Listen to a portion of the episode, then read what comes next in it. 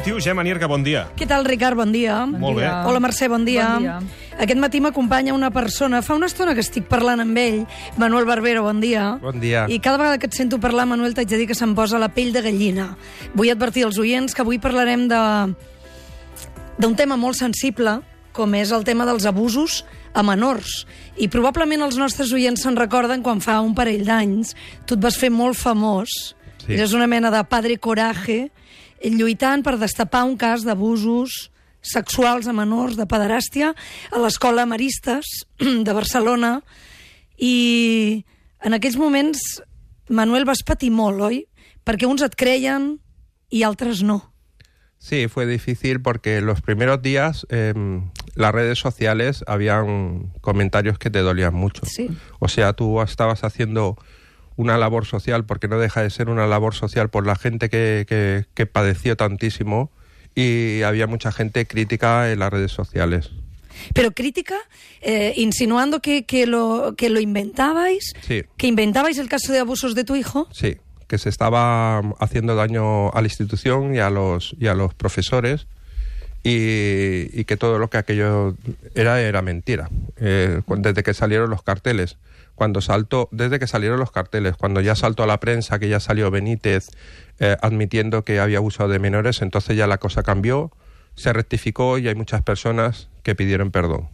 Eh, Benítez, Joaquín Benítez, este es el hombre que presuntamente abusó de tu hijo. Digo presuntamente porque aún no ha habido juicio.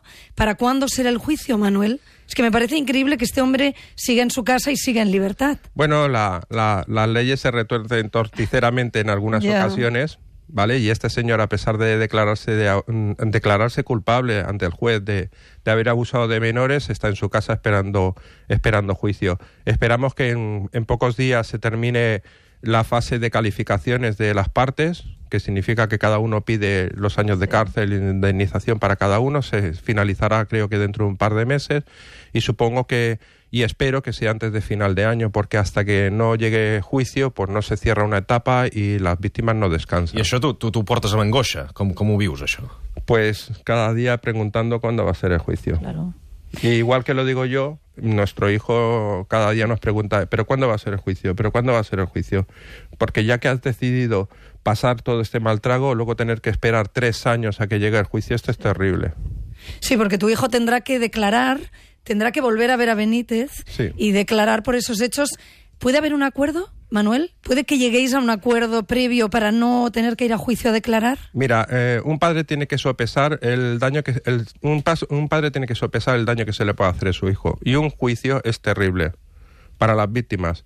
Si se llega a un, a un pacto que es un pacto no indecente, donde este señor cumpla cárcel, indemnice el daño realizado, si es un pacto así, nosotros llegaremos a un pacto. Estamos ¿Cuántos, años, cuántos años de cárcel? le piden, le piden a Benítez, el fiscal, 22 años de cárcel, pero las acusaciones particulares seguramente que casi se vayan al doble, porque los delitos, el juez hace una valoración sin... sin eh, bueno, el juez no, el fiscal hace una valoración y los mm, abogados defensores hacen otra.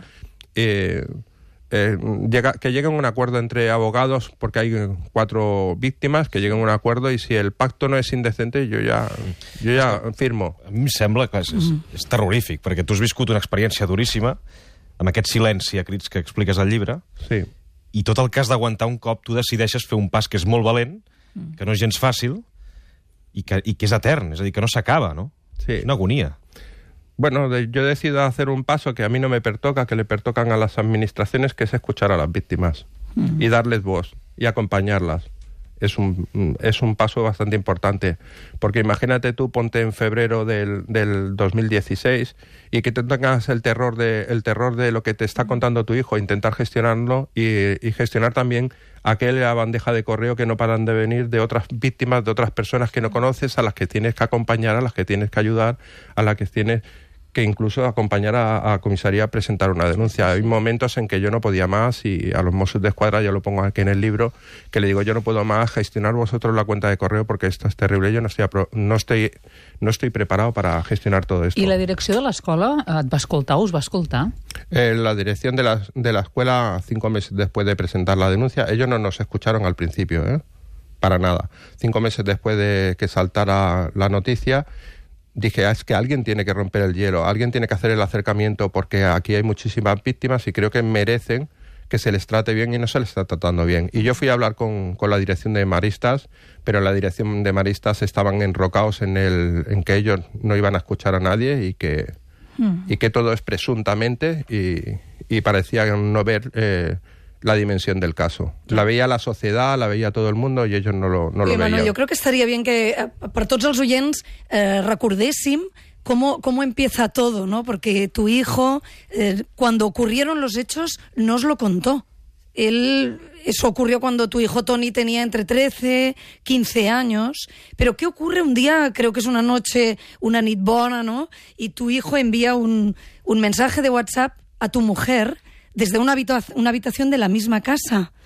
Bueno, em, el- a mí me lo dicen, eh, me lo dicen al día siguiente. Sí. Verdaderamente cuando ocurre, porque el- la, no- la- el relato ha cambiado porque eh, mi hijo nos ha rectificado y ha dicho no, no. Cuando yo se lo conté a, a mamá, ah, dice a mi, a mi madre, él estaba trabajando, se hundió y su y su jefa le dijo le dijo ¿qué te pasa? Y él estaba hundido y entonces le, le- se lo dijo a su jefa. Y dice, no, no, esto se lo tienes que contar a tus padres. Y se metió en un cuarto de limpieza, donde tenían un cuarto de limpieza, y desde el cuarto de limpieza le envió el mensaje a su madre. Y a mí me lo explicaron al día siguiente. Y ¿Qué, de- qué decía ese mensaje? pues mamá, te tengo una cosa que contar, eh, no te enfades conmigo. Eh, y su madre, claro, se le hizo subiendo las pulsaciones, cuéntamelo ya. No se esperaba que le contara esto para nada. A ver qué es lo que ha hecho ahora, como son las madres, a ver qué es lo que has hecho ahora. Y entonces le vino a decir que el profesor de gimnasia había abusado de él. Entonces eh, viene a decir, pero dinos quién es. Le decía, dime quién es. Y entonces le dijo el nombre y entonces le dijo, ¿se lo decimos al Papa o no se lo decimos al Papa? Sí, sí, díselo al Papa. Dice, eh, necesi- ¿qué- ¿necesitas ayuda? Y dice, sí, de un psicólogo. Sí, please. Le decía que, que necesitaba un psicólogo y, y que necesitaba ayuda. Ya lo llevaba gritando desde su interior desde hace mucho tiempo, porque de- en el colegio él ya no quería ir al- a los lunes a gimnasia. Él eh, nos, pon- mm, nos daba amiguitas de pan, pero nosotros no las sabíamos ver. Él se ponía malo los lunes y tal. y, mm, le hicieron, fue un infierno. Oye, Manuel, ¿tú te sientes mal por no haber eh, sabido ver lo que ocurría? Sí, pero Digo, para, para oyentes que nos puedan estar escuchando, viviendo una situación parecida, ¿existe ese sentimiento de culpabilidad de los padres? Eh, eh, sí, es que existe el, el sentido. Yo me siento culpable de no haber visto, de no haber visto y de no haber escuchado a mi hijo. Lo más importante en esta vida es escuchar a tus hijos, escucharlos, que tienen el derecho a hablar y, y estar con ellos, ser comprensivos y tal. Y, y lo importante es em, empoderarnos, los padres, eh, saber qué es el abuso sexual infantil, ¿vale? Y así cuando hacen un cambio, un cambio de, actitud, de actitud tus hijos, preocuparte de qué es ese cambio de actitud. No es una pataleta, no, detrás de esa pataleta hay algo. Y entonces creo que es importante en, en el tema de la prevención que los padres sepan que es un abuso sexual desde edades tempranas y cómo, y cómo acercarte a tu hijo para que te lo pueda explicar. I la culpabilitat també de les pròpies víctimes. Que Claro, això, el- no? No, es, se triga, sentia es malament. triga tant, Sí, no? El, el- el abusador ya, el abusador ya lo Juga a hace. això, no? Claro, juega, juega a que a que si en un momento dado el, el menor ya no accede, que se sienta culpable, se sienta culpable y se sienta cómplice de eso que ha ocurrido. Ya el, el abusador ya lo sabe, o sea, sabe cómo tratar a la víctima para que en el mismo momento en que se rompa ese pacto que hay de silencio, él siga el silencio porque él también es, tú también eres culpable de esto. Cómplice. Sí. Sí, sí, sí. Y Cuando tú te acercas a tu hijo, le dices, tranquilo, Tony, porque el papá ha pasado por lo mismo. Sí. Y aquí llegamos a un punto que hemos descubierto leyendo tu libro, Un silencio a crits, y es que tú cuentas como tú también sufriste una violación siendo un niño de- de 8 o 9 años, ¿no? Sí, el- me agredieron sexualmente, era una persona, des- bueno, era una persona desconocida, era una no era dentro del círculo familiar, sí que lo conocíamos del barrio, era de una etnia gitana del barrio que tenía aterrorizado el barrio, entonces este señor me hizo entrar a mí dentro de un camión, eh, estábamos dos hermanos gemelos, porque somos dos hermanos gemelos, me entró dentro del camión y allí me agredió sexualmente. Nos los echamos a los chinos, un hermano u otro, a ver quién de los dos entraba. Hubo, hubo eso de, de decir, a ver, ¿quién entra de los dos en el camión? Y me, bueno, yo le dije a mi hermano, ya entro yo.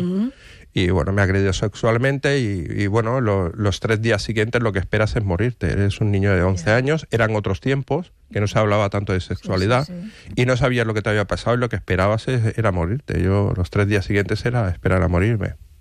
¿Y no, no dijiste nada a nadie? Nunca dije Nunca nada a dijiste la nada. primera persona que se lo dije fue a mi hijo. Cuando él nos dijo que lo habían abusado de él, a la persona que se lo dije. Incluso no se lo dije ni a mi mujer y fue unos, unos, unas, unas- unos meses después que en la ducha yo pensaba, mi subconsciente me traicionó y yo pensaba que se lo había dicho, sí, sí, porque yo ya te lo había dicho. No, no, a mí no me has dicho nada. Y a mi mujer tampoco se lo había dicho. Pero claro, Manuel, entonces tú puedes comprender la gente que decide mantener silencio ante un abuso eh, sexual, ¿no? Bueno, la- tú lo has mantenido ese silencio durante Yo lo he ¿qué, mantenido. 30 años. Sí, y hay un momento que dices, yo no puedo seguir manteniendo este secreto porque estoy pidiendo a la gente que denuncie una cosa Claro. y yo no soy capaz de denunciar el abuso que, com- Claro. que cometieron hacia mí. Y creo que es importante. La gente no denuncia porque no hay el acompañamiento. En la- el acompañamiento en un momento familiar no hay ese acompañamiento porque no lo saben. Luego tampoco hay una cuando decides tirar adelante no hay un acompañamiento institucional, que es muy importante. El acompañamiento institucional conlleva muchísimas cosas, las instituciones, los profesionales y tal, y, se- y debería de haber un mecanismo de que se pusiera toda la maquinaria para estar al lado de las familias, porque eh, las familias y de, y de la persona que ha sido agredida, porque las familias también sufren y mucho. ¿eh? Aquí se valora el daño que se le ha hecho, pero la, la familia es un terror. Lo que llevamos nosotros vivido es un terror, toda la familia. ¿eh? Y no, eso no se valora tampoco. Sí. Antes, Manuel, me decías, yo me he convertido en un problema para mi familia. Pues. Porque, Sí. eh, Manuel, eh, bueno, eh, llevas esta, esta batalla de, de denunciar los abusos a menores y lo has llevado hasta el final. Tu casa, dices, está llena de papeles Sí. y de artículos. Sí, la gente solo ve lo que sale en un recorte de Sí, prensa. sí. A veces no comprenden. Yo creo que no comprenderán. Este tío que hace todo el día ahí, Sí. saliendo en, en los medios de comunicación. Yo tengo una lucha y la tengo también dentro de la familia. Bueno, en la familia han aceptado, han aceptado que yo siga con esta lucha. Porque llegar a una casa donde tu hijo está mal sobre un tema de abusos sexuales, donde otro de sus hermanos está hasta las narices de que se hable del tema de abusos sexuales, porque no hay manera de, de cerrar página y tirar adelante, y, y, y llegas y hay un montón de papeles y hay un montón de cosas. Ese es el rol que yo, que yo he cogido y que aceptan, porque en mi, en mi casa lo aceptan, ¿eh? Mi hijo lo acepta porque ha agradecido mucho el, el esfuerzo que estoy haciendo. Ha habido un momento de que, de que viene y me abraza por detrás y me dice, papá, estoy muy orgulloso de lo que estás haciendo por mí y eso es el gran premio de un padre, de que tu hijo te diga esto. Y, y creo que, que, que es, es muy duro, ¿no? Llegar a una casa y ver todo aquello y todos los papeles y ahora llamadas a este y llamadas al otro. Es muy duro, pero lo aceptan y yo le tengo mucho que agradecer a ellos por porque creo que esto es positivo para toda la sociedad. Però, per tant, eh, d'un abús, d'un fet com aquest, mai es pot passar pàgina. Sí que se puede pasar página. La prueba la tienes en mí. Yo tiro adelante. Eh, Tirar endavant sí, però passar pàgina no, és a dir, acceptar, No, a veure, acceptar-ho olvidar- i ho converteixes en lluita Ol- i intentes canviar i transformar la societat i, olvidar, i denunciar olvidar, una cosa que és invisible. No? Olvidar no olvidas, pero mm, sí que se puede tirar adelante, hay vida después del abuso. eh, lo que pasa es que si entre todos, porque ahora solo parece que solo exista el padre y la madre que es el que tira adelante, si entre todos ponemos todos los medios será mucho más sencillo, es indudable. Si ponemos herramientas, es, es indudable que se tirará adelante muchísimo mejor. Y luego, eh, a mí me da mucha rabia que se hablen de protocolos y protocolos. El protocolo está muy bien para cómo actuar cuando ya se ha ocurrido, pero ¿por qué no actuamos antes de que ocurra? En la prevención, pongamos todo todos los mecanismos necesarios para trabajar la prevención, que es muy sencillo. El, las- eh, la, mm, la educación afectivo-sexual de los padres con los hijos, de qué, cuál es tu cuerpo, dónde puede llegar un desconocido. Eh, esto es fundamental. Eh, empoderar a, a los profesionales para que si un profesional denuncia a otro profesional, detrás tenga una maquinaria de que no puedan ir a por él. Que en este caso, si es una entidad eh, concertada, el que denuncia lo van a echar a la calle. Entonces, hay herramientas que se tienen que poner en marcha. No podemos estar siguiendo la hipocresía de seguir hablando del tema, de seguir hablando de protocolos y no poner las herramientas necesarias. Has tingut instints de venjar-te? De, Ben- Sí, Benítez? sí, yo fui a su casa a buscarlo, a matarlo. Sí, sí. Yo fui con, con el todoterreno, perdí la cabeza, me fui, me planté delante de su casa con una pala y lo que estaba esperando es que saliera por la puerta. Lo que pasa que luego este tío no salía, no sé si estaba dentro o no estaba, no salía y, y la cabeza te hace recapacitar que tú tienes una familia que has, que has luchado por ella y que lo vas a tirar todo, todo por... y que la venganza no es el camino. El camino es la justicia. I el perdó? El perdón no lo va a tener. No lo va a tener. Que se lo pida su santidad. No lo va a tener. Ni mío ni de mi hijo. ¿Pero vas a volver a hablar con él? Yo Pero tú hablaste un día con él durante eh, 53 minutos. Sí, yo hablé con él porque ¿Quieres la- volver a hablar con él? me gustaría volver a hablar con él. Sí. Que mi abogada me ha dicho que no porque tiene una orden de alejamiento y se vería como que yo lo acoso. Ja. No, si no lo hago es por esto, porque se viera como un acoso. Pero verdaderamente Joaquín Benítez, de todos los maristas, es la única persona honesta que ha habido. A pesar de que ha abusado de mi hijo. Fíjate lo que estoy diciendo, estoy diciendo una barbaridad. Sí. ¿por qué? Porque es la única persona que ha dicho la verdad. Desde el minuto uno. Es el único que está diciendo la verdad. Incluso en estas últimas semanas, en otra productora que le está haciendo un documental, ha dicho que a Benítez viene a constatar lo que dicen las víctimas, que a Benítez se le pilló en los años en el año 86, en el año 90, en el año 2005 y en el año 2011. O sea que Benítez eh, Maristas ha convivido con pedrastas en su casa porque ellos lo han querido así. Han convivido. O sea, si lo han encubierto o no lo han encubierto, lo tendría que, lo tendría que decidir un juez, pero han convivido. Han vi- convivido con, con- con den- lo que tenían dentro de su casa, ellos lo sabían. Es terrible, pero es así. eh. Lo- no lo digo yo, lo dice. Joaquín Benítez, lo dicen las víctimas en sus denuncias. Y, y cuando se constata que el, que el agresor dice lo que dicen las víctimas, pues es porque ha ocurrido así. Tot aquell moment, moment de, de mediatisme, que vas anar a tots els mitjans, o que parlaves, per exemple, amb el Josep Cuní, que va ser la primera persona que va publicar o explicar el teu cas, com, com, és a dir, vas sentir un moment atacat o sufocat o dir m'agradaria tornar enrere i no haver explicat això mai? No, no, no me arrepiento de todo lo que he hecho en mi vida. No, porque han hecho de mí la persona que soy y no me puedo arrepentir de eso. No, para nada. No me he sentido atacado por nadie, no me he sentido, no me he sentido amenazado por nadie. Quizás, aunque me duela mucho decirlo, de, de lo que me arrepiento es que mi madre me diga que, que estoy mintiendo de todo esto. Esto sí, que me llame mi madre y me diga estás haciendo mucho daño, que en el barrio no paran de pararme y que digan que has abusado de ti con 11 años y tal y, y- que esto te lo diga una madre pues te duele. La relación con mis hermanos y con mi madre está, está rota de hace mucho tiempo. Llevan, mi madre lleva seis, seis, seis o siete años sin ver a mis hijos y la relación con mis hermanos está, está rota. Todo esto me duele mucho. Que, que la gente de la calle te pare y te pregunte por tu hijo y se preocupe y que tu familia, la, la que te quiere, la que yo quiero, a la familia a la que yo quiero, no lo haga, me, me duele, me duele bastante. Mm, Yo, Manuel, lo último que te quiero preguntar precisamente es por tu hijo. Sí. ¿Cómo está Tony? Pues Tony está, está mucho mejor, estoy, estamos muy contentos porque él da pasos contundentes, ¿vale? Eh, y nada, lleva cuatro meses, cuatro meses muy bien. Hace unos días, unas semanas, dijo que quería empezar a trabajar y aunque no lo necesita, pero sí que lo necesita para evolucionar como persona y para relacionarse con la gente, tener confianza en el ser, en el ser humano y en la gente que, que le que rodea.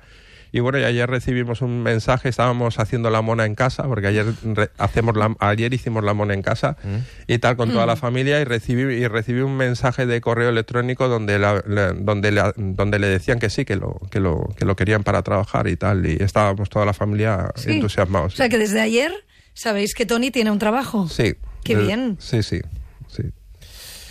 Manuel, ets, ets un valent. Gracias. I t'agraeixo moltíssim que avui t'hagis volgut també despullar i explicar aquí en el suplement.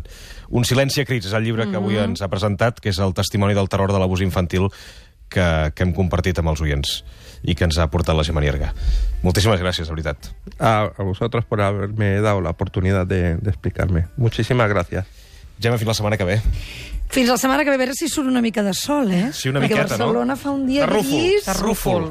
plou... Ara posarem música animada a veure si això Vinga. Gràcies, Gemma. Que vagi bé.